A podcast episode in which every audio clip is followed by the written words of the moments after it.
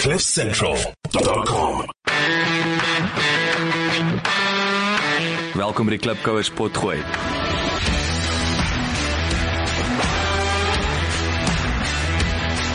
Klipkouers waar ons elke week met Afrikaner entrepreneurs en impakmakers gesels ten einde die beste praktiese besigheids- en lewensadvies met jou te deel. Jou gasheer en mede-klipkouer, Jacques Basson.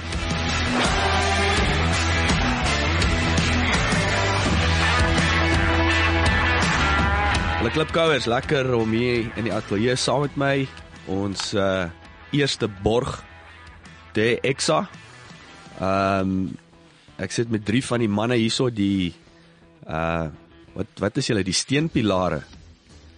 Ehm um, Drie van die Bestes. Oh, nee. maar ek ek sit met die drie manne hierso van Exa.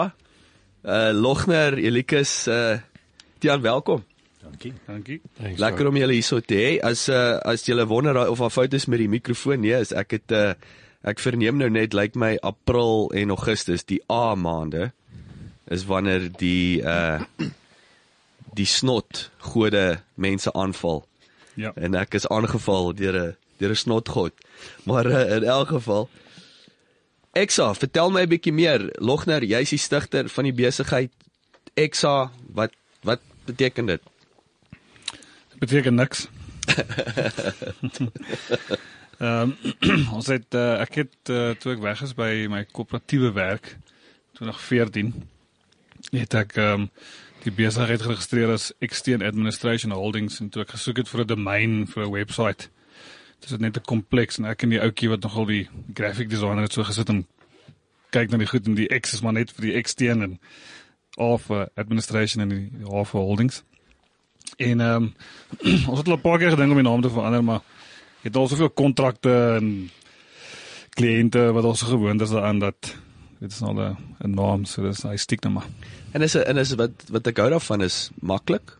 Hmm. Nee, en en is en ek dink dis die dis die ding in in die 21ste eeu as jy gaan kyk na die groot uh uh, uh handelsmerke daar buite, nê, nee, dit dit is anders, maar dit is ook maklik om te onthou en maklik om uit te spreek. So ek dink jy het ek wil sê per ongeluk nie, maar jy het het 'n uh, lekker naam daarso.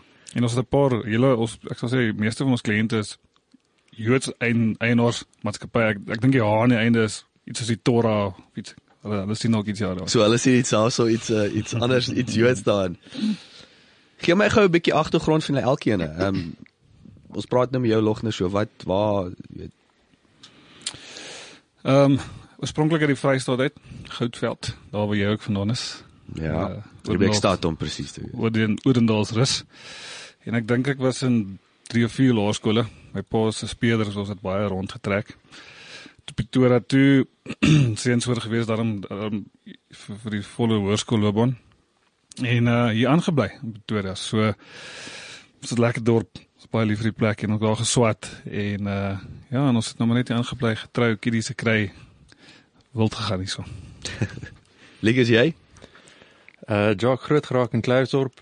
Van daar af uh hoërskool was ek in Bloem vir so 2 jaar en toe ek weer terug klas op toe Potch geswat. Bloem gaan werk, Suid-Korea gaan werk, Thailand gaan werk, terug uh Pretoria toe en hier so is ek nou die laaste 6 7 jaar. Ek weet van ouens wat in PE in Durban gaan werk, maar Suid-Korea en uh, Thailand is 'n drastiese draai. Hoe dit uh, gebeur? Ehm um, sien Logner uh, toe hy uit corporate uitgaan, toe hy 'n besigheid gestig. Toe ek uit corporate uitgaan, toe ek so gatvol vir Absa dat ek heeltemal oor ek ek moes dit land uit. Jy was heeltemal weg ver weg haar. Ja, nee, so dis ek so 4 jaar oor see en uh en teruggekom in 2010, 2011 dink ek. Ja. Dis ook hier in Pretoria, né? Ja. Ja. Tiaan jy? Ja, nee, ek's gebore in Pretoria. Groot geword in Volksrust. En ehm um, geswat in Pretoria weer en 'n kort rukkie in Nelspruit gewees en toe se ek weer die laaste sinema 6 jaar in Pretoria weer. Wel dankie dat julle uit julle comfort zone uit. Ek wil sit hier in Sandton. Ek bly julle kon dit kry en uh spesiaal deurgery dat julle paspoorte nog geldig is. Hoorie, ek wil terugkom by Exa. Elevator pitch. Wat doen julle? Ons daar's baie opinies. My opinie is ehm um, ons het ek het die besigheid destyds begin met die idee om ander besighede behalwe corporates te help om beter te verkoop, eenvoudig meer sales te maak en beter dienste lewer aan ons kliënte. En uh die Engelse een op ons webwerf, die URL sê is a, it's a remedy for chaos. En ek ek, dink ons staan daarby van, van my kant af van elkeen van ons het ons eie opinie, maar daar's so baie chaos daar buite in in in dienslewering en en verkope dat uh, ons ons ons ons maar in Engelse woorde is 'n remedy daarvoor op verskillende maniere. Nou ek wil aansluit by die chaos. Tian de, definieer chaos. So is maar enigiets wat gebeur wat nie binne in jou beheer is nie hmm. en wat jy wil verander. Ek dink nie jy sal iets al is dit baie besig beskryf as chaos as jy as jy gevoel het jy het 'n mate van beheer oor dit nie. Hmm. So uh, ons is ver weg van verkope af. Dit is dit sluit en dis waar die ding weggespring het, nie oorspronklik was sales gefokus maar maar bygesê uh, eerlik is die die die hele ding is elke stap van 'n besigheid se proses het op die einde van die dag die impak op verkope. Ja, jou hele jou hele value chain lei tot die sale. 'n Sale is nie 'n kliënt wat 'n kontrak teken nie. 'n Sale is die kliënt wat sy produk kry en 'n kliënt bly van die maatskappy. As jy daai hele ehm um, daai hele proses reg kan doen sonder dat daar enige enige regte balle laat val word, ehm um, sal die kliënte weer mee jou besigheid doen. Maar ja, dis die sale sale is die geld in die geld in die bank. Is nie is nie net die belofte nie. Hmm. So wat gebruik julle nou? Ek weet julle ons ons ons weet Salesforce is integrale deel, maar dieselfde as om Salesforce het so ver aanbeweeg. Ek ek ek weet uit my koöperatiewe daai dit was hoofsaaklik 'n 'n CRM sagte ware, maar dit is glad nie net meer sales of verkope gefokus nie. Kyk die toe toe Tian by my aangesluit het toe um, op daai stadium het ek nog rondgehardloop en ons ons IP basies geïmplementeer by besighede in die mense in. So het ingegaan op sessies, noem dit maar konsultasie 'n paar keer 'n maand en die best practice gaan implementeer in die mense in. En dan en dan maak jy klaar dan na 'n paar maande en dan 2, 3 maande later kry jy oproep om te sê hoor die die ding onderhafel kom terug en toe en Tiana het dit opgelê dat ons ons IP moet eintlik nie in, in mense gaan nie maar in, in stelsels en en die stelsels moet dan die mense lei in die, in die best practice en en uh ek het op daai stadium begin met sommer online apps om net die prosesse in plek te kry en mense 'n bietjie struktuur in die, in die, in die goed in te bring. Daai stadium met uh, pipe drives begin werk, sommer so per ongeluk. Ek kan nie eens onthou hoe ons daarmee begin werk het nie en dit het toe nou later gelei tot het frustreerd geraak met die limitasies van daai sagteware en en Tian het toe met die voorstel gekom met met met Salesforce. En ons het uh, en Tian kan ook 'n bietjie meer verduidelik, maar dit is definitief nie meer 'n CRM soos dit terug was in die dag weer. Hoekom? Hoekom Salesforce? Kyk, dis belangrik dat mens net eers stop om met die met die woordstelsel beteken nie noodwendig rekenaar of 'n fabriek want ek dink meestal as mens sê mens doen sisteme dis dit wat hulle dink. Hmm. 'n Stelsel is ongelooflik afhanklik van 'n mens. As jy 'n stelsel op sy eie los en hy doen nie werk nie, beteken dit dis nie 'n stelsel nie. 'n Kar op sy eie is nie 'n stelsel nie. 'n Kar plus 'n drywer is 'n stelsel. So ons ons weet byvoorbeeld dat as 'n groot groep mense saamwerk dat elke persoon daar vorm deel van daai stelsel en shape daai stelsel. So dis wat ons bedoel met die stelsels ons wil gaan uitwerk wat probeer jy reg kry. Waar's die interfaces tussen dit en waar kan ons 'n stelsel begin maak wat wat optel waar mense val? Wat wat optel waar mense nie goed effektief doen nie, waar mense konsentrasie verloor, die stelsel verloor nooit konsentrasie. Die stelsel word nooit moeg nie. So ons probeer die stelsels bou wat 'n bietjie mengsel is tussen die beste praktyk vir daai besigheid en die abilities van die stelsel soos wat Salesforce nou is. So Salesforce het ons gekies net omdat hy die meeste moontlikhede vir ons oopgemaak het om te ontwikkel soos dit ons hom wou ontwikkel. Om hom nader en nader te stoot aan best practice deel. Dit ons sê die hele tyd dit is nooit uit runway daar klop nie. Hmm. Ons het met vorige stelsels nog kan kan bietjie daaroor praat. Het ons elke keer in goed vasgehardloop waar waar jy meer kon doen as mense vir die stelsel toegelaat het en dis baie moeilik om 'n stelsel wat nie gebou is daarvoor nie te kry om verby daai punt te kom. Mm. En dis wat ons in Salesforce reg kry. Ons sal nooit uitraan wy uithardloop met Salesforce nie. Maar in daai maar nou wil ek aansluit by daai runway, daai aanloopbaan. Ehm um, histories ook ek wil Salesforce is ook dis nie skuldig daarin nie. Dis 'n dit was 'n era wat 'n CRM-stelsel hulle gee vir jou 'n baie basiese gee vir die dop en dan dan as jy nou ekstra miljoene dan kom hulle nou dan sal hom nou customize, nê. Nee. En ek wil dis waar al hierdie ouens begin het. Dis ook ek dink daai persepsie wat baie mense het van as hulle van hierdie groter CRM-stelsels is, dit is onbekostigbaar of ons is te klein. Maar ek wil dit is een van die groot dinge wat Salesforce wegbeweeg. So dis daai sagte ware wat jy aan hom vas kan bou, net wat hom nog steeds koste-effektief hou. Seker. Ek dink die die belangrike ding van so 'n stelsel is om te vra is dit koste-effektief of nie? Is dit is hoe jy dit gebruik. Ehm um, 'n maklike voorbeeld om dit te vang en dit is maar weer sisteemteorie is dat die stelsel se performance hang af van hoe hy die parte saam met mekaar werk. Nie hoe die parte onafhanklik lyk nie. As ek vir jou pokerhand wys en ek wys net vir jou 'n 9 en 'n jack en ek vra jou is dit 'n goeie kaarte? Ons is absoluut afhanklik van wat die ander drie is. Dit kan 'n dit kan 'n straight flush gewees het as die ander reg is. So hmm. vir ons moet antwoord of dit koste-effektief is het dit niks uitmaak met die grootte van die maatskappy nie, maar hoe lyk die hele stelsel waarin dit inslaan? Want hierdie word net amper 'n metaleier oor die res van jou stelsel. Hy kan nie kompenseer vir 'n swak kultuur nie, hy kan nie kompenseer vir swak bestuur nie. Hy kan nie kompenseer vir 'n verskriklike swak besigheidsidee nie. So daai goed het baie dikwels 'n baie groter invloed vir die stelsel hê. En dis goed waar ons al hoe meer kan dit probeer wees met ons kliënte wat ons sê dat ons wil inkom en voel dat hulle regtig wil groei. Hierdie is harde werk. Hmm uh, ons gebruik bietjie die voorbeeld om te sê dis soos iemand wat sê hy wil gewig verloor maar hy oefen net nooit nie. Mm. Almal sê hulle wil gewig verloor, so besigheid sê hy wil dalk goed doen. Maar ons kom nie daarin en kry daai regte gaste wat ons hierdie gaan deursien nie. Mm.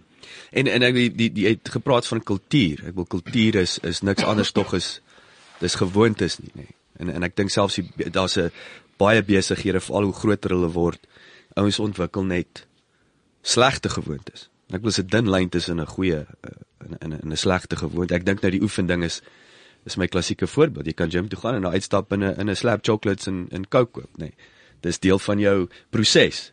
Of jy kan vir jou 'n slaai gaan koop, nê. Nee, dis nou weer die goeie proses. Ek wil my volgende vraag, ek wil nou kyk, jy weet, 'n uh, bietjie uitbrei oor die tipe kliënte wat jy regtig het, maar So kom ons praat 'n bietjie daaroor en dan gee net 'n praktiese voorbeeld van 'n van 'n proses en 'n stelsel wat jy gestreamline het in een van hierdie besighede. Laat laat mens net 'n nice praktiese voorbeeld kry van hoe jy te werk gaan. Ek dink 'n onlangse voorbeeld is ehm um, een van ons, ek weet nie of ons moet name noem nie, kan seker maar die uh die die Bounty groep. Hmm. Daar in die Kaap hulle besit 'n klomp uh, is eintlik 'n wholesale besigheid met 'n paar arms maar een van hulle hulle besit 'n klomp van die groot brands Vans en Hurley en en daai klas en goed en tradisioneel het hierdie ouens maar noem dit maar Jeep nê nee? is is Jeep ja ja ja, ja. Jeep, wat jy nou mm, genoem het van die brands en um, hulle het byvoorbeeld maar altyd gewerk met wat ons noem boot salesman net jy gooi stok in jou boot en ry rond na independent retailers toe en gaan verkoop jy goed gaan swaai aan hierdie mense maar daar's nie kontrole nie Daar's nie kan ons meet hoeveel hoeveel keer moet jy by daai persoon stop om 'n bokskoene te verkoop nie.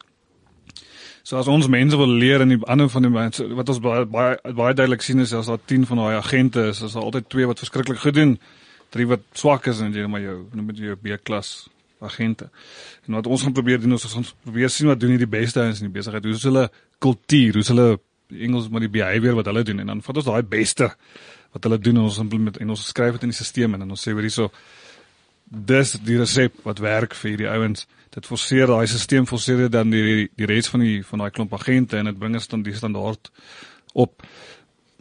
Tradisioneel het al die IP van hierdie goeie sales en service mense het gesit by hom in sy kop en hy maak altyd dat hy geld en niemand weet hoe nie en hoe goeie goeie gewoontes. Goeie gewoontes. Hy toevallig daar daar en, is. En as jy daai goeie gewoontes kan identifiseer en sien ek in in hierdie industrie met hierdie produk met hierdie tipe kliënte is hierdie gewoontes wat ons wil hê in 'n persoon. Ons skryf ons daai in 'n stelsel in.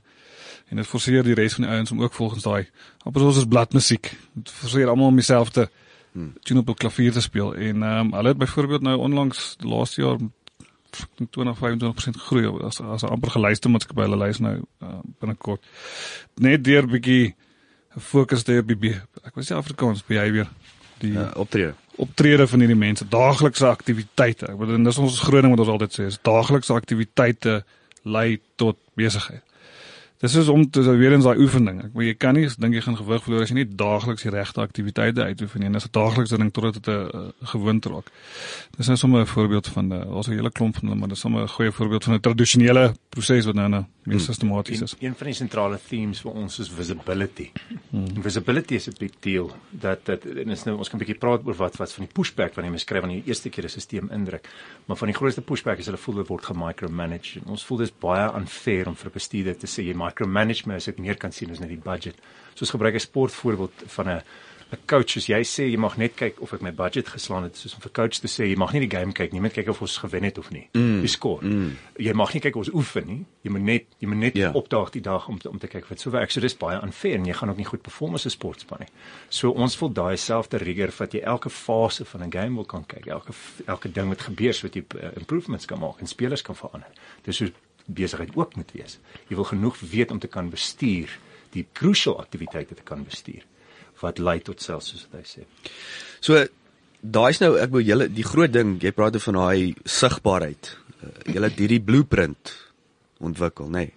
Elikus en jy, ek onthou jy toe jy in die besigheid ook kom, jy moes hom leer, nê, nee, en en ook in die gee my nog 'n voorbeeld. Ons het nou daai daai was nou 'n lekker voorbeeld Bounty, maar dit leen nou na verkope toe. Ek weet julle werk ook met groot meer industriële maatskappye en goederes waar waar die kom ons sê nou maar die warehouse funksie wat geïmpakteer is of so. Het jy het jy bietjie meer voorbeelde in om dit? Um, 'n ander voorbeeld kan wees in terme van die die kliënt se ervaring wat hulle gekry het met die met die maatskappy. Is 'n so 'n groot manufacturing maatskappy wat um, wat shelving en racking doen.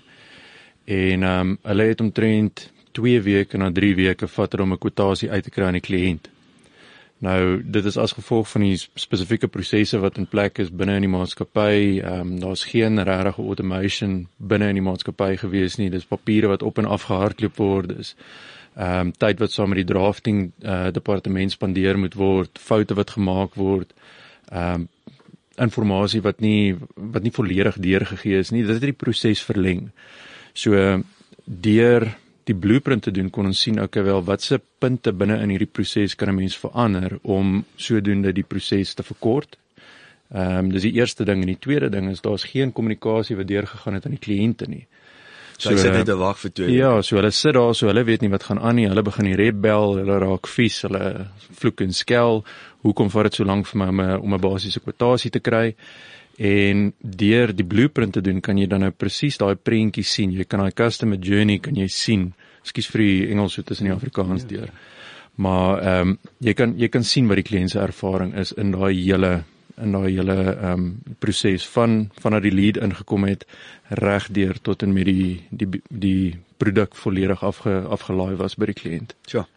Ek wil sommer net aansluit vanaand by. Ek dink die die blueprint oorspronklike teen eintlik maar by begin is dis baie onverantwoordelik van ons om in 'n besigheid in te gaan en net 'n stelsel te gaan insit en te sê sterkte. So die blueprint het eintlik kom waar ons sê hoor hierso ons kan nie die besigheidsprosesse help verbeter as ons nie die besigheid perfek verstaan soos hy nou is op hierdie stadium nie. So die blueprint is 'n en, en, en mense wat dan ook nou luister kan enige tyd op die webwerf klim www.exah.co.za en ons het so een van die drop-downs dienste services is, is blueprint en dan kan sommer nog kyk terwyl ons praat. Dis 'n baie baie intense detailed stap vir stap proses van hoe noem dit maar cradle to grave. Hoe dit deurgaan en as ons klaar is met 'n blueprint, dan weet ons waar al die probleme sit, waar al die geleenthede sit en dit dit dit maak dit soveel makliker vir ons om soms ons kliënte te gaan sit as jy die blueprint kraas om te sê hoor hierso dis hoekom hierdie stelsel nodig is. Dis presies waar dit nodig is en dis waar hy nie nodig is nie. Die die die inkoop van die bestuurspan is net soveel beter en dan dan die groot ding wat dit doen is dit breek die silo's af want ons identifiseer die silos die met die handover points en dis waar gewoonlik waar die pap op die vloer val. En daar kan mens baie duidelik sien hoe al die rolspelers is in die proses wat die die, die dienslewer aan die kliënt van van die waar die lead inkom op die webwerf al die pad deur tot delivery dalk met 'n derde party logistiese maatskappy wat die produkte gaan aflewer. Waar kom al daai mense in en waar sou val die pap op die vloer? En as ons daai proses klaar gehad het, moet ons met 'n service scape blueprint dan kan 'n mens baie van 'n voorlike implementasie gaan gaan doen van 'n stelsel. Ek dink enige sagte ware maatskappy wat 'n implementasie gaan doen wat nie daai kliënt in detail verstaan nie, ja gaan. Maar dit is nie skies soos 'n argitek. Hmm. Ehm um, argitek gaan eers die planne teken en dan gaan jy bou. Ehm um, dis maar basies dieselfde ding. Jy jy gaan nie net 'n huis gaan bou en en dit aftree en sê okay wel, behalwe nou as jy my skoonpa is en jy tree die die badkamer af sommer so met die voet en jy sit op die einde van die ja. dag met 'n verskriklike groot badkamer nie, maar uh jy gaan eers jou planne gaan jy teken yes. en dan gaan jy bou en seker maak dat jy reg bou volgens daai planne. So so daai kom ons raak ook na aan, aan julle verkope en bemarkingsstrategie. Ek bedoel dis dis dis 'n bietjie julle werk, ek bedoel die maatskappy met julle werk is is groot spelers op hierdie stadium. Ehm um, kan 'n klein ou die diens bekostig? Tiaan sal dit antwoord. Ek dink dit het presies met daai stelsel ding uit te maak dat mens wil nooit een part oor optimize. En dit is presies dieselfde as jy 'n kar bou en, en, en mens kan nie budgets vergeet nie. So as ek 200 000 rand vir 'n kar het, gaan ek nie 150 000 rand by engine spandeer nie. Want daai ding gaan heeltemal uitmekaar uitval. So in 'n klein besigheid moet jy prioritiseer. Die probleem van die stelsels is daar's 'n daar's 'n koste verbonde aan die hoeveelheid mense wat dit gebruik en aan die implementasie. En die implementasie word nie makliker as 'n besigheid klein is nie. Hoe groter 'n besigheid raak, dan dan word hy vertikaal, meer mense wat dieselfde ding doen. So met ander woorde die analise wat ons doen, die stelsel wat ons ontwerp, uh ek sal sê is net 30% korter vir klein maatskappye as vir groot maatskappye. So so die koste bly min of meer dieselfde. Jy moet dan kyk wat is die potensiële effek daarvan. As ons dit kan regkry om jouself met 30 of 40% te lig, beteken dit 1 miljoen rand of 10 miljoen rand of 100 miljoen rand vir die maatskappy. En daai moet in die koste af uh gespeel word. En dis dis 'n verskriklike belangrike ding. Dat baie dikwels die kleiner besighede is ook nie reg vir so groot ding nie. Hulle het hmm. baie dikwels ook nie die kultuur waar um, waar dit moontlik is om om so groot stelsel te implementeer. Hierdie stelsels werk wanneer jy multiple layers van mense het wat kyk na verskillende goed. Hmm. Wanneer dit moontlik is vir jou om 'n division of labor te doen vir 'n sekere persoon wat 'n baie spesifieke funksie moet vervul hmm. en iemand anders wat hulle moet bestuur. Daar werk dit fantasties want jy gee vir hulle visibility.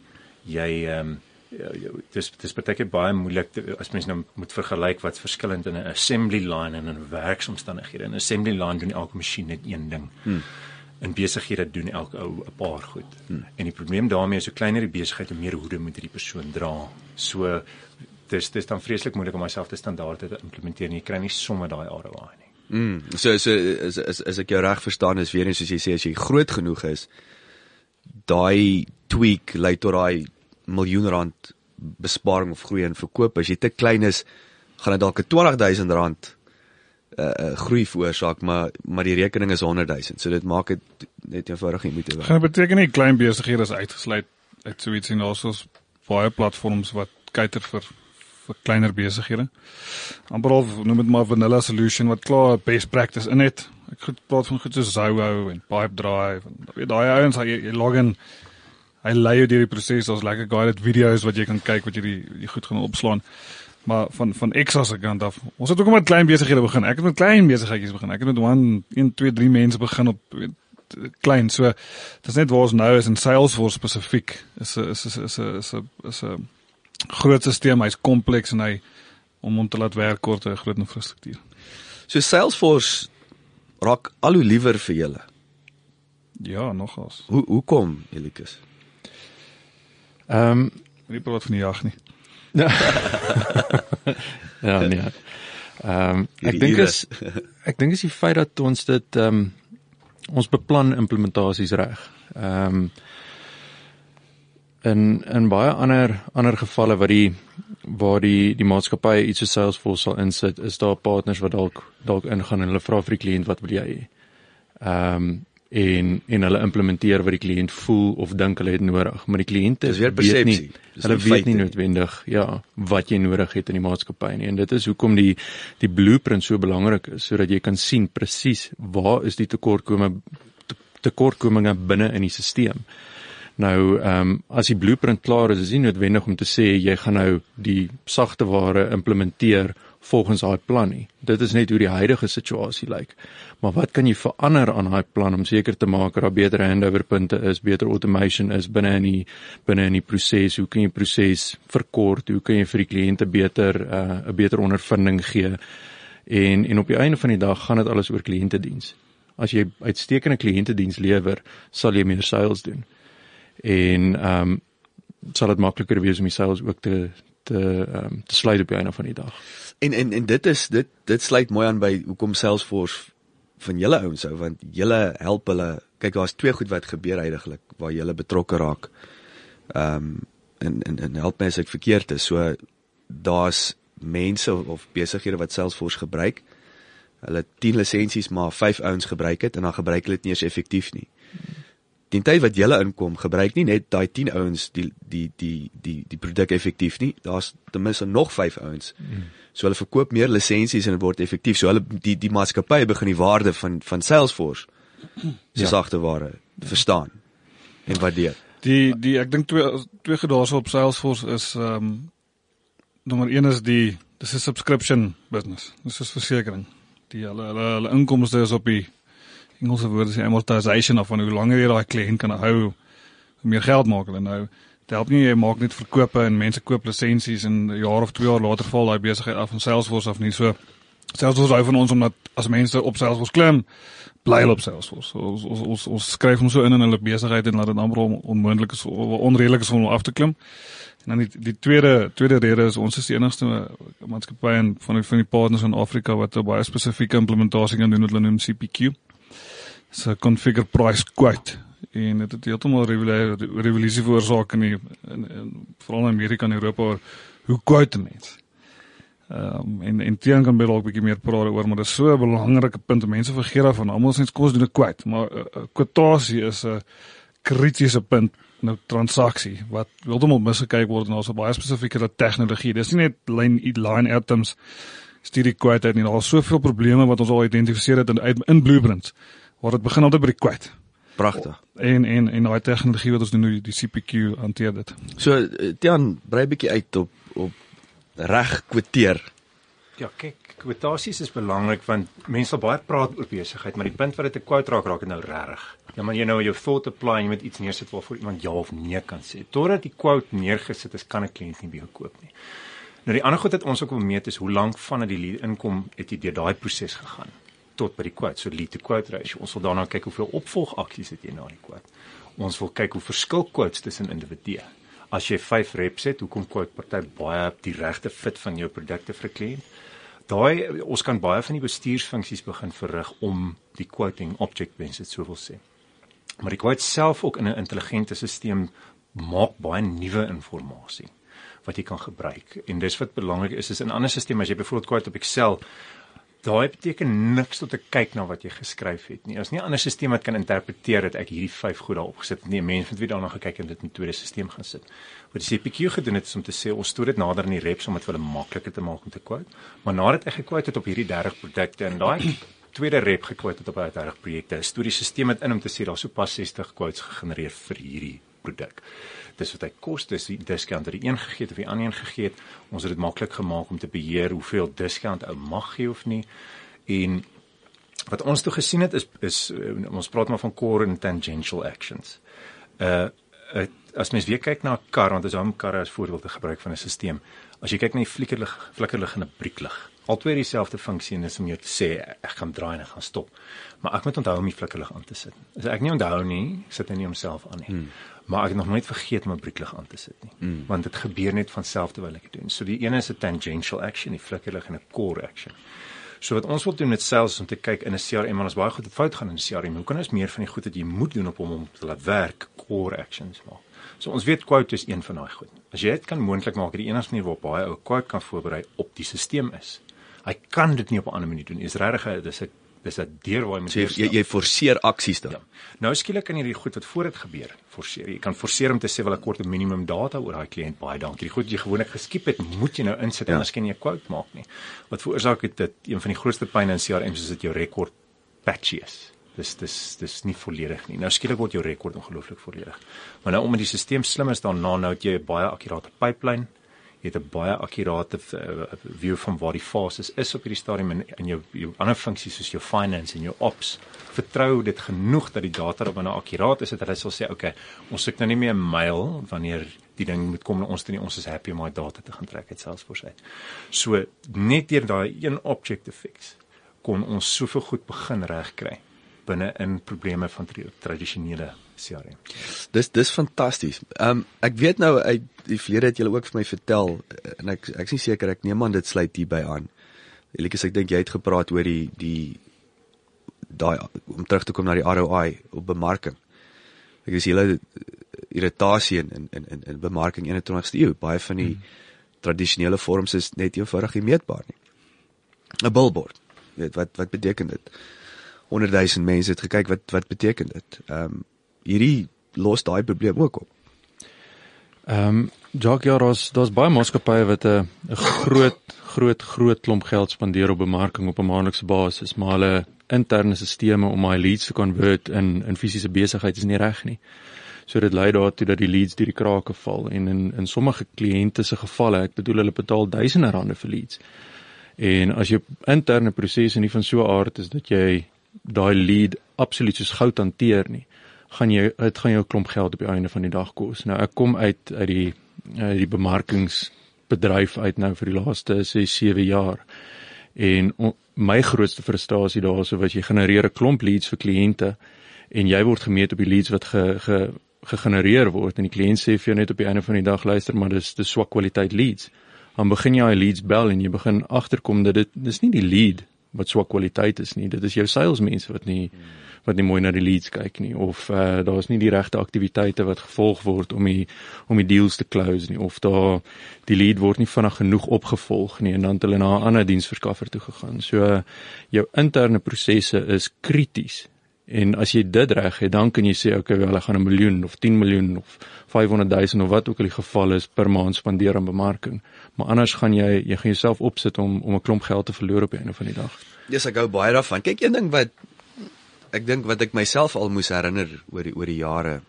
Ehm um, kyk ons ons elke besigheid die moeilikste ding is om daai daai daai verkope, jy weet hoe groei ek verkope. Maar meeste besighede, daar is 'n suksesresep. Dis nie rocket science, daar's 3 of 4 stappe. Ek kyk byvoorbeeld in in in in Londen met die skoonmaak besigheid. Ehm um, my vernoot daar, Dominic, hy glo net in AdWords. Hy het nou in 12 jaar, dis wat hy doen. Hy spandeer geld op AdWords. Genereer daar kom aanlyn versoeke in, ouens bel in. Die ou gaan uit. Hy convert sale en dan gaan jy. En jy weet as ek ekspandeer, gaan ek soveel min of meer met 90% sekerheid soveel leads gaan uh uh, uh ge, gegenereer word en uit dit uit gaan ek ekskwoteer en uit daai hoeveelheid kwotasies gaan ek is my conversion 60%. So draak 'n baie voorspelbare eh, proses op 'n of 'n dag. Dit klink vir my hierdie maak dit nou net nog meer kragtig om seker te maak dat jy die maksimum uit jou mensheid kry ten einde die maksimum uit die uit die uit die lead uit te, te genereer. Ek kom met uh, uit die insurance stable uit en ek is nog steeds trots om te sê daai besigheid ek kan onthou as ek reports skryf vir die opskou en ekskou mense wat soos 2 3 bladsye se se verslag net op die punt tussen waar die lead inkom en waar hy begin gekwout word. Hoeveel sekondes het jou departement gevat om daai persoon te kontak? Nie sekondes. Hoeveel is gekontak of wat dit ja. geval mag wees nie. So in letterlik in detail. Die groot ding is bemarking is duur. En dit word al hoe duurder hoe stadiger jy is met daai om om daai om daai om daai lead iets meer te doen. Ek wou ons het van nie goed afgejaag na 9 of 10 sekondes toe om terug te kom by daai mense want soos teen ook altyd sê soos ons weet die ou wat eerste kwyt het 'n 40% beter kans. Pragtig. Om en om om om die besigheid te kry. So die jou kompetisie deesdae is nie meer jou kompetisie in ander besighede nie. Jou kompetisie is spoed. En as jy stadiger is as die average gemiddelde spoed, verloor jy. Kliënte het so ongeduldig geraak. Moet jy weet self. Vergeet van die webwerf. Die webwerf is dalk great op jy gaan op jou foon as jy ietsie wil kyk. Net as hy hy bietjie stadig laai. Dan spring jy op na die na die na die volgende dimensie verskriklik ongeduldig geraak so jy moet jou jou jou jou daai eerste noem daai first mile in jou besigheid moet so effektief wees en as daar een persoon in daai besigheid sit 'n uh, verkoopspersoon wat net gou vinnig 'n sigaretjie gaan rook voor hulle daai lead bel. In my boeke is hulle klaar gewerk daar, hoef nie eens terug te kom nie. Hmm. En is nie dit nie die die probleem is as jy geld ingooi in bemarking en en 'n sekere hoeveelheid leads kom nooit by jou uit nie of of word nooit gekontak nie, word stadig gekontak. Daai is almal individue wat 'n slegte persepsie van jou besigheid begin ontwikkel. 'n Ongelooflike groot deel van van ehm um, van die persepsie van van ouens wat nie jou kliënte is nie, gaan oor hoe jy getreed word toe jy begin kyk het na daai vendor. So dis ongelooflik belangrik as jy ernstig uh, daai deel sien jou jou kliënte diens sien, dis deel van kliënte diens. Mense wil hê wat jy verkoop. Hierdie salesman is 'n manier om om by jou besigheid uit te kom. As, as ek kon koop sonder daai salesman sou ek dit gedoen het. So dit moet verskriklik ernstig gesien word. Dat enige drop-off waar ou net by iemand anders gekoop het of nie goed gekontak is nie, is verskriklik, verskriklik ernstig. Dit is so kragtige punt daai want want die hele ding is ek kyk nou weer ek kom terug na na die skoonmaakindustrie toe. On, ons sê altyd dis nie of ons kompetisie die bal gaan laat val nie, is wanneer. En die indruk wat jy geskep het, veral as jy tweede gekom het. Ek dink baie besighede mis daai jy het nou nie die gewen nie, die kwotasie gewen nie. Jy het tweede gekom. Maar hoe jy daai ou die persepsie wat jy geskep het van jou, dis oor 'n jaar van af is daai ou die bal drop. Hoe gaan hy jou onthou? Of gaan hy ver weghardloop van jou? Weer terug gaan uh, Google toe wil ek sê. Want jy het nie of my longe val uit, kerels. Ek wil ek wil aansluit, daar's twee goed ek wil ek het nou nog gepraat van die 30 tot 40% groei.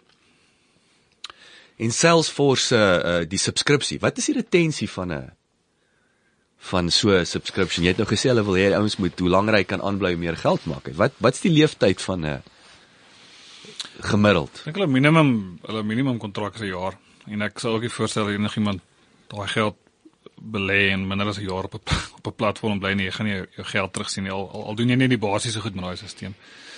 Maar ehm um, hulle hulle hulle gee baie goeie pryse as jy begin kyk na 2, 3 jaar kontrakte.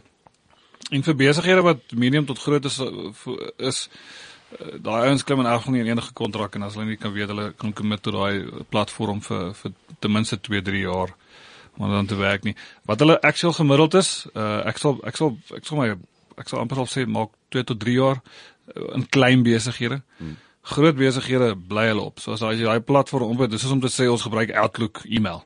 Mense klim nie van Outlook e-mail af omdat hy einde van die jaar klaar maak nie. Dit is ons core tool wat ons gebruik vir e-posse en in Salesforce is dieselfde. As jy hom reg gebruik, word dit jou infrastruktuur en en jy bly op hom vir ewig, vir ewig. So het het hulle 'n renewal rate ou wat weer opteken na dit veral meer ja, kleiner. Is daar 'n uh, uh, Salesforce se persentasie want ek bedoel julle het 'n impak op dit dat daai ou wil weer hernie. Hmm. Byvoorbeeld, so ek ek ek's net ek net ek dink maar net hardop wat wat is leidiglik. Ja, maar kyk hulle hulle deel nie hulle attrition rate nie, maar attrition is 'n probleem wanneer mense die stelsel nie goed gebruik nie. En dis waarvoor ons so verskriklik sensitief is dat ons is nie gelukkig met enige attrition van ons kliënte nie.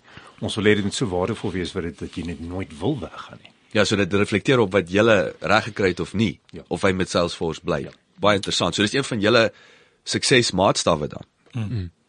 Die een geen stelsel gaan jy daar hou net omdat jy die stelsel het nie. Dis hoe jy daai stelsel gebruik wat jy op hom hou. Ehm um, jy weet die, die stelsel kan wonderwerke verrig as jy hom nie reg gebruik nie, gaan hy nie meer waarde vir jou hê nie en dan gaan jy afklim van hom. So wat kan julle beter doen in die besigheid?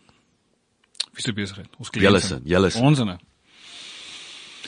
jete. Ons kan uh 10 teen 1 net nog beter mense aanstel, aanhou aanstel. Dis ons dis ons ek wil so ver gaan as dis ons grootste uitdaging in ons besigheid. Dis nie verkope of ekskuus is om nie. Ons ons is baie baie ernstig op op twee vlakke is die mense wat in ons besigheid omkom moet system thinkers wees. En dis nie iets wat jy ongelukkig gaan gaan swat. Ehm um, jy kan ons ons kyk spesifiek na industriële ingenieurs om om ons besigheid in te kom en hulle die basiese fondamente in plek om om om noem dit systems thinking te wees. En ehm um, die ander ander kant is is is wat nie glo nie maar gesondheid. Uh hmm. ons het 'n verskriklike groot dryf na in ons besigheid om gesond te wees. Ons ons is knowledge workers, ons ons gebruik nie ons hande, ons gebruik ons breine. En as ons nie gesond is en fiks is nie, kan ons nie ons werk gedoen nie. So ek ek by die besigheid elke maand met ek my one-on-ones met die met die mense in die besigheid het Dis een van my punte is bloeddruk toets. Nee. weet wat doen jy om bly fiks fiks te bly? En ons het ons het 'n groot reg so, so ons ons ons besig het ons sien ek sien nie hier sien nie maar niemand het regtig boepies nie. Ehm um, so so dis Kan jy asseblief jou hemp dop? Al die mense wat ook luister na die show. Nee, nee.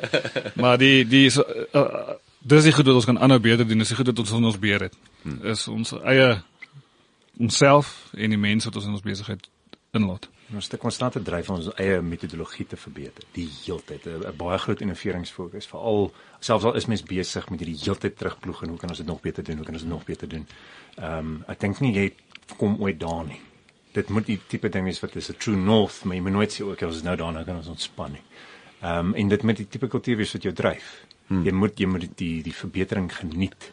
En dis dis snaaks genoeg daai verbetering wanneer jy amper bietjie oorkompenseer op 'n sekere manier weet jy wat jy bietjie over-engineer die ding wat jy fix maak jy baie dikwels 'n nuwe besigheidssegment oop. So dis presies die ding. Ons blueprinting was was 'n respons vir 'n frustrasie om nie te weet hoe om akkuraat te kan rekord wat aangaan in 'n maatskappy op 'n manier wat 'n klomp mense objektief kan verstaan en en weer terug na toe kan gaan en kyk. Hmm. En en ons het 'n bietjie geover-engineer en toe sy groot genoeg om 'n produk te raak later. So dis dieselfde ding. Ons het begin met stelsels toe gaan ons volmond teen gaan vir die grootste stelsel want ons is moeg daarvoor om uh, om uit runway te hardloop en dit word dan weer 'n nuwe innovering. So ons doen nou dieselfde in die nuutste waarna ons ingaan is om regtig die die fases na die sagte ware geïnstalleer is die adoption, die goed wat ons het mee begin het om met mense te werk, maak ons nou ook weer nog 'n groter deel van die besigheid om te sê ons ons is verskriklik gedrewe daarop dat jou besigheid suksesvol moet wees. Die sagte ware is net een faset daarvan. So hoe kan ons seker maak dat die stelsel die heeltyd op die regte manier gebruik dat ons oorkompenseer en hoe, hoe gereeld ons dit monitor in die in die reports wat ons vir mense gee. So daai daai tipe verbeterings probeer ons die heeltyd doen. So as twee ek het twee gedagtes. Ek wil die eerste een is ek, ek kan nie sien hoe jy die heeltyd gekonfronteer is om om weet jou diens wat jy lewer, wat jy lewer is om 'n besigheid te te te, te streamline en te verbeter. So jy word konstant gekonfronteer met hoe lyk 'n 'n 'n amazing besigheid. So dis al ek jy kan nie anders as om myself daai toe te pas wat wat hmm. wat wat julle vir julle kliënte wys en en en leer nie. Um, om terug te kom na Bounty toe. Ons het net toe toevallig toe ons sit en koffie drink voor die tyd toe toe praat uh, Logner het genoem dat in die retail ehm um, daar's nie daar's nie regte opleiding of regte opleidings uh uh uh produkte en dienste. Ons praat nou van jou wat wat as ek reg 'n TM verkoop in die winkel as mm. as 'n voorbeeld. Mm. sien julle later 'n geleentheid waar julle daai gapings identifiseer in in in 'n besigheid se prosesse? So, gaan sien julle dat julle dit sal help vul? of is dit uh is gaan die fokus 'n bietjie verwater in die proses? Nee, ek dink ons sal 'n partner met mense wat dit doen en saam met hulle werk om om om amper meer met besigheidsmense bymekaar te kom te sê wat hoe kan ons ons shared knowledge apply om um, om om maniere te kry wat baie mooi met mekaar inpas. Ek dink die training ding is is is een van daai goed wat ons weet ons op 'n stadium mooier na moet kyk of mooi meer met partner want jy kan nie wegkom van dit af nie. Ehm um, daar daar is 'n punt wat ja, die stelsel kan net tot daar gaan dan raak dit 'n mense probleem. So ons begin nooit weer te aanvaar as 'n mense probleem nie, maar maar daar is 'n punt wat dit inevitable is. En ehm um, en wie eens dan sou baie groot meriete om te sê hoeveel van dit kan gefiks word. Die training dink dis presies hy's presies reg dat retail baie van daai goed is training. Dat die training uh, affekteer die kultuur ook. En ek dink wat belangrik is is jy moet soek 'n provider wat nie wat nie ook ons het 'n workshop gehad en dan loop ons weg nie. Hulle moet daai mense monitor na die tyd. Hulle moet kan kyk of mense uh, of hulle presies doen wat hulle moet doen. Hulle moet kan uh, ingryp wanneer dit nie reg gaan nie. So. Okay. So dis dis dis 'n groei geleentheid vir julle in daardie opsig vir die besigheid. Ja, ek het uh, ek was gelukkig geweest ek het 'n uh, uh, uh, maar coach Wolf Vosse aan die Kaap aan se Louis Pass. So Wolf, Wolf, Wolf. Ek wou sê dis as nie cooler naam is dit. Dis 'n wonderlike naam. En hy sou ek weet nie oud Wolf is nie. Ek dink hy is al amper 80, maar hy hardloop elke dag 10 km en baie fikse ou man, maar hy het ons geleer om te fokus. En nou gaan 'n verskriklike goeie rede moet wees hoekom ons nie ons begin ons in areas aan kyk wat ons ons is 'n baie gefokusde besigheid. Die training as dit inkom, uh, sal baie gefokus wees op ons metodologie. Hmm. Ons sal nie eweslik begin uh weet jy weet sommer net training general die die verkopers op. Ja, nee, so so ek dink waar daar wel 'n groot behoefte is en ons nou ons is byvoorbeeld 'n Sage partner ook, so Sage Financials uh so accounting program wat op die Salesforce platform gebou is. En ons het sit teen 'n sommer huidige uh talk gehad met so ek hoeveel seker 200 groot NGO's van van Sage. En daar's duidelike behoefte aan opleiding vir sisteemteorie. Is vir mense binne in die besigheid om sisteemteorie beter te verstaan. Weet ons ons tussen ons en 'n ander ding ons as jy nou op verbetering is die boeke wat ons lees. As jy nou praat van die Daniel Kahnemans en die Peter Druckers en al daai mense se boeke en ons het al soveel boeke gelees vir Optian en hy is die slimste. is daai boeke kry word nie gebruik deur lektore in universiteite nie. En ehm um, ek dink as 'n opleidingsgeleentheid is sal dit wees om sê oor die bring jou mense in ons besigheid in en dan kom ons praat sommer oor met hulle oor hoe ons dink is daai stelsel en en laat daai mense terug in hulle besighede ingaan en iewers klik hulle stelsels beter begin gebruik want hulle verstaan hoe dit toegepas moet word en daai klas goed so daar's definitief vir ons 'n geleentheid daar maar dit sal organies ontwikkel. So kom ons kom hierdie stelsel teorie of systems thinking. Al Jan Allemantal. Wat is gee 'n voorbeeld van systems thinking? Wat beteken dit?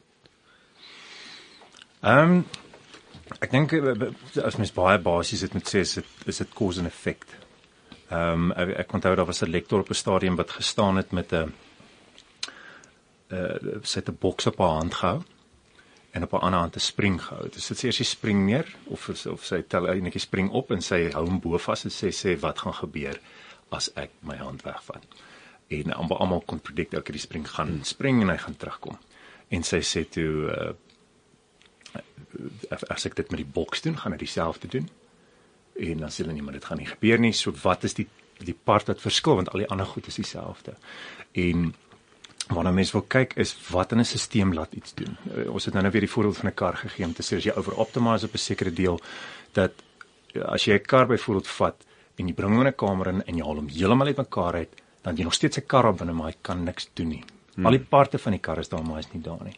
Ons weet byvoorbeeld dat as jy nou uh, jy kan nie met 95% van 'n kar ry nie. Hmm. As as ek 95% van 'n kar het ek net die kaberuiter uitgehaal, gaan hy nie 95% van die spoed ry nie. Hy gaan nêrens heen nie. So hmm. die manier waarop goed saamwerk in 'n stelsel is ongelooflik belangrik. So deel van wanneer ons kyk wanneer ons hierdie blueprint doen is is is van die van die goed van Goldratt byvoorbeeld waar mens kyk na wat gebeur wanneer jy sekere het wat te besig is. So sê net maar jy het een persoon, daai persoon is amper 100% besig. En daai persoon is stap 6 in 15 stappe. Wat is die effek van daai persoon wat te besig is op die res van die stappe? Dat jy wil graag die geheel reg kry, maar jy het 'n klomp mense wat wat uh wat almal vreeslik besig is, maar jy jy jy om niemand kry hulle goed klaar nie. Mm. Dat jy altyd 'n backlog. So wat dis baie moeilik om te doen as jy nie uh, uit 'n stelselteorie oogpunt kyk oor hoe kan ek na hierdie goed kyk nie. Wat is dit hulle praat baie van bufferstok. Is 'n persoon 'n uur vat om 'n ding klaar te maak. Maar hy is 95% besig en nou het ek nou net 'n nuwe ding voor hom neergesit. Hoe lank gaan dit wag voordat hy begin daarmee? Dat baie van die goed as ons 'n lead sou trek, as hulle 'n rooi kolletjie op hom sit en ons trek hom deur die stelsel, spandeer hy die meeste van sy tyd in 'n queue voor iemand aan hom kan werk. So ons praat van touch time versus waiting time. En ons wil kyk waar kan mens daai goed baie mooi land. Dit letterlik ene oomblik wat een nou klaar is, kan hy die volgende ding onmiddellik optel. En nie en ons praat nie van dis dis wat mense nie verstaan nie. Jy moet kyk uh na elke lead se se spesifieke tyd fit daai lead om deur die proses te gaan. Jy kan nie kyk na my hoop leads nie want hy gaan die eerste een optel, maar jy kyk nie hoe lank die res van daai goed in daai in daai hoop gelê voordat hy optel. So dis dis nou 'n bietjie sisteemteorie toepassing op besigheid. Hm.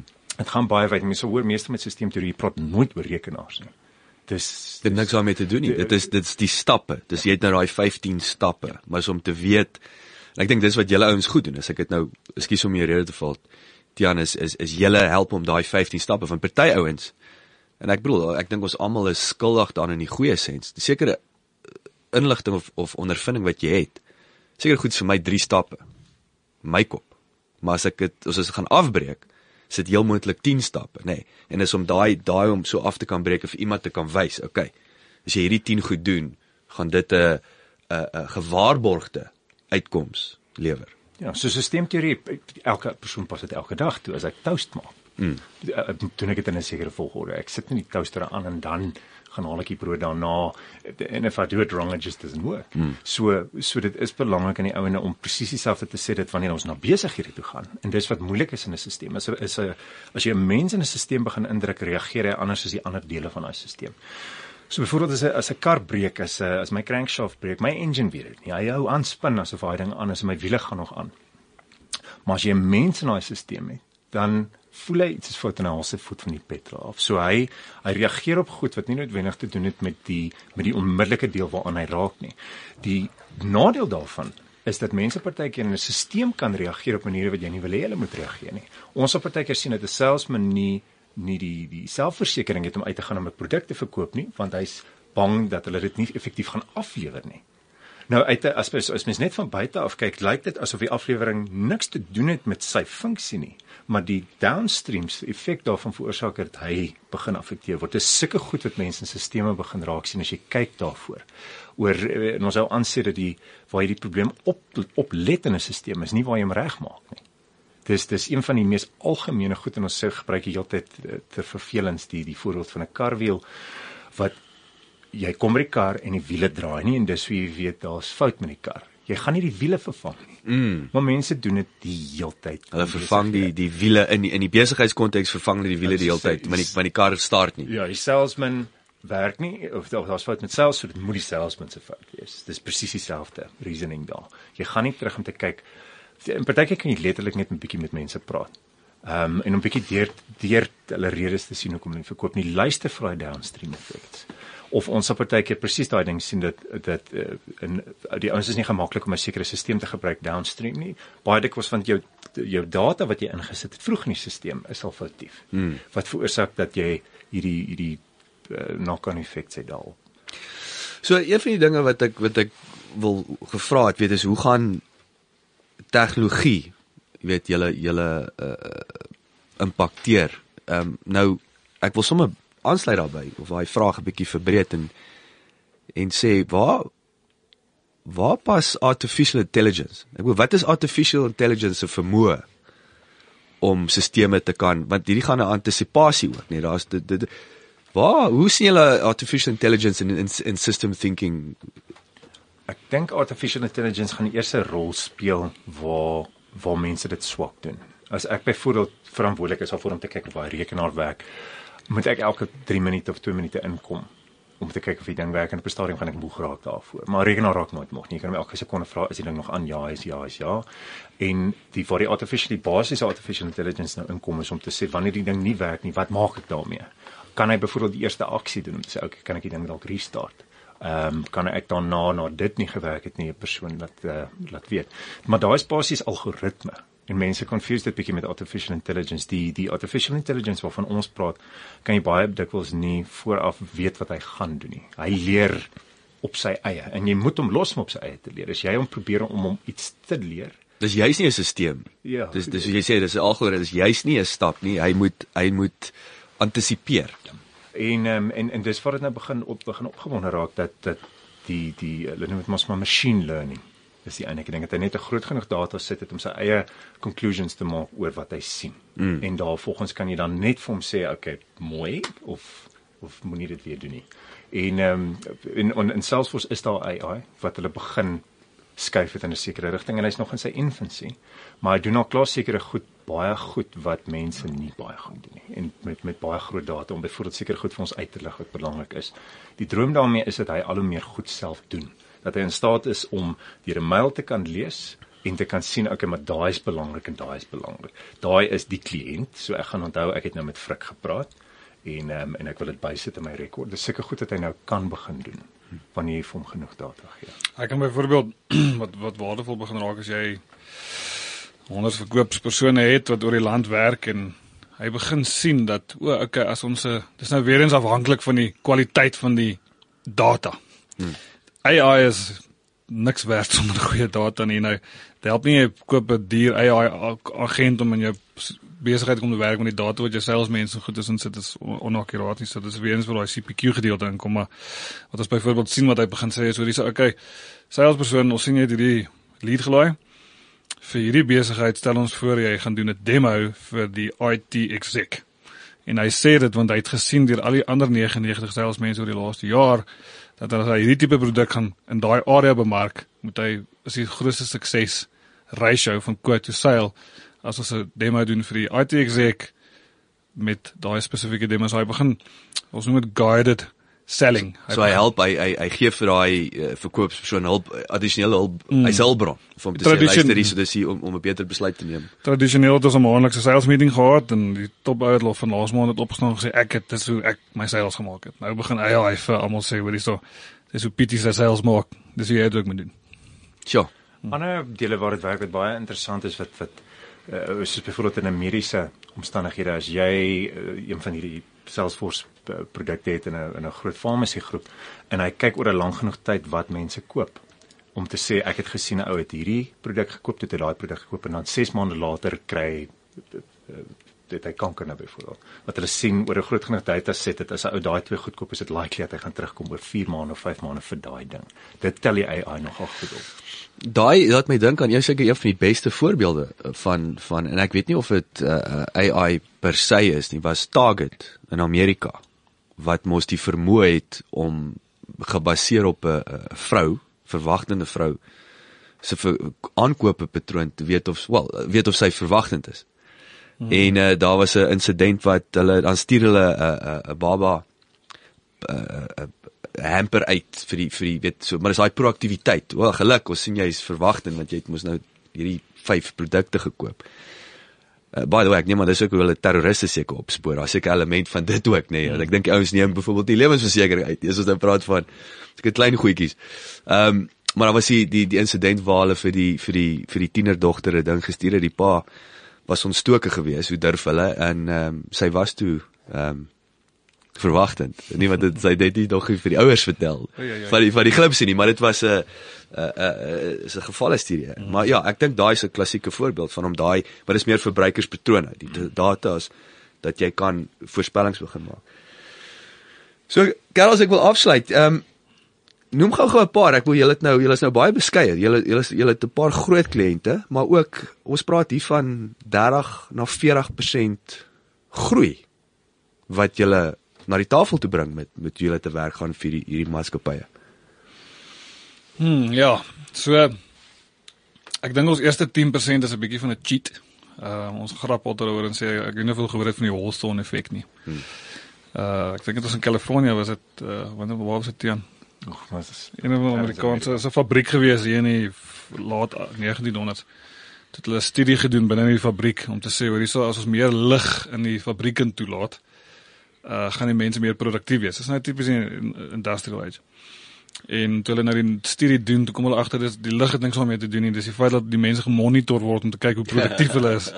So ons eerste 10% wen is altyd die feit dat mense die die Wilson effek. Hulle besef hulle word gemonitor, my daaglikse aktiwiteite, die akkuraatheid van my kwotasies, al daai goed word eweslik gemonitor deur 'n stelsel. Dit alleen het 'n gewonelike 'n minimum 10% effek.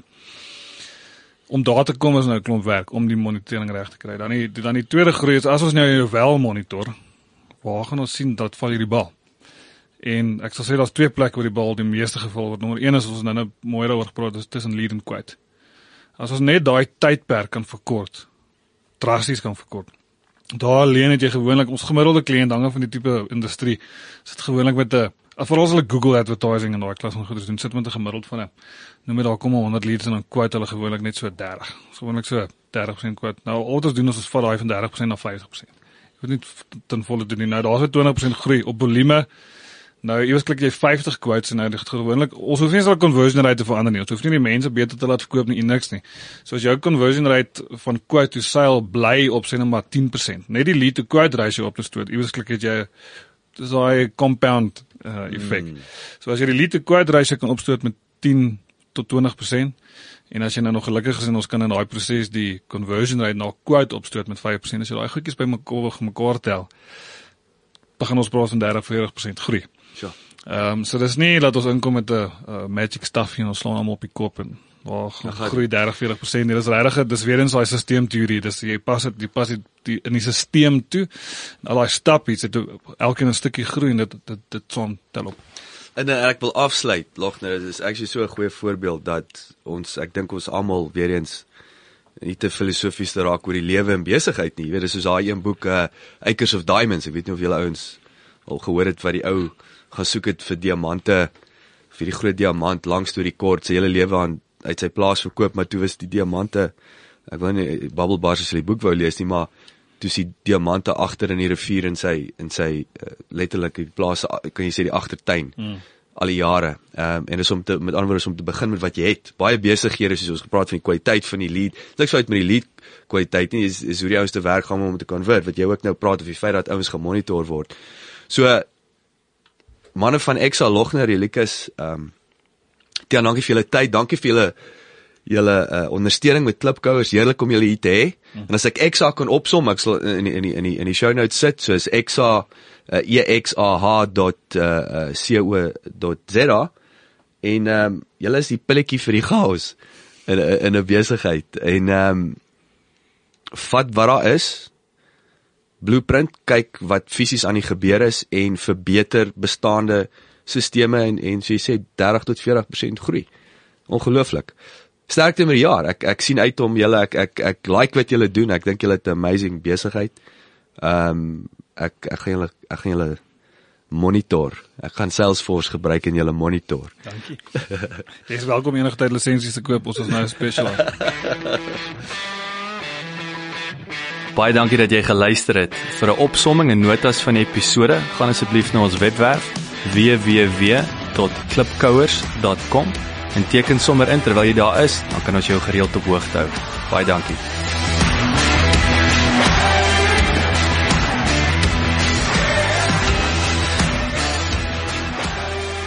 cliffcentral.com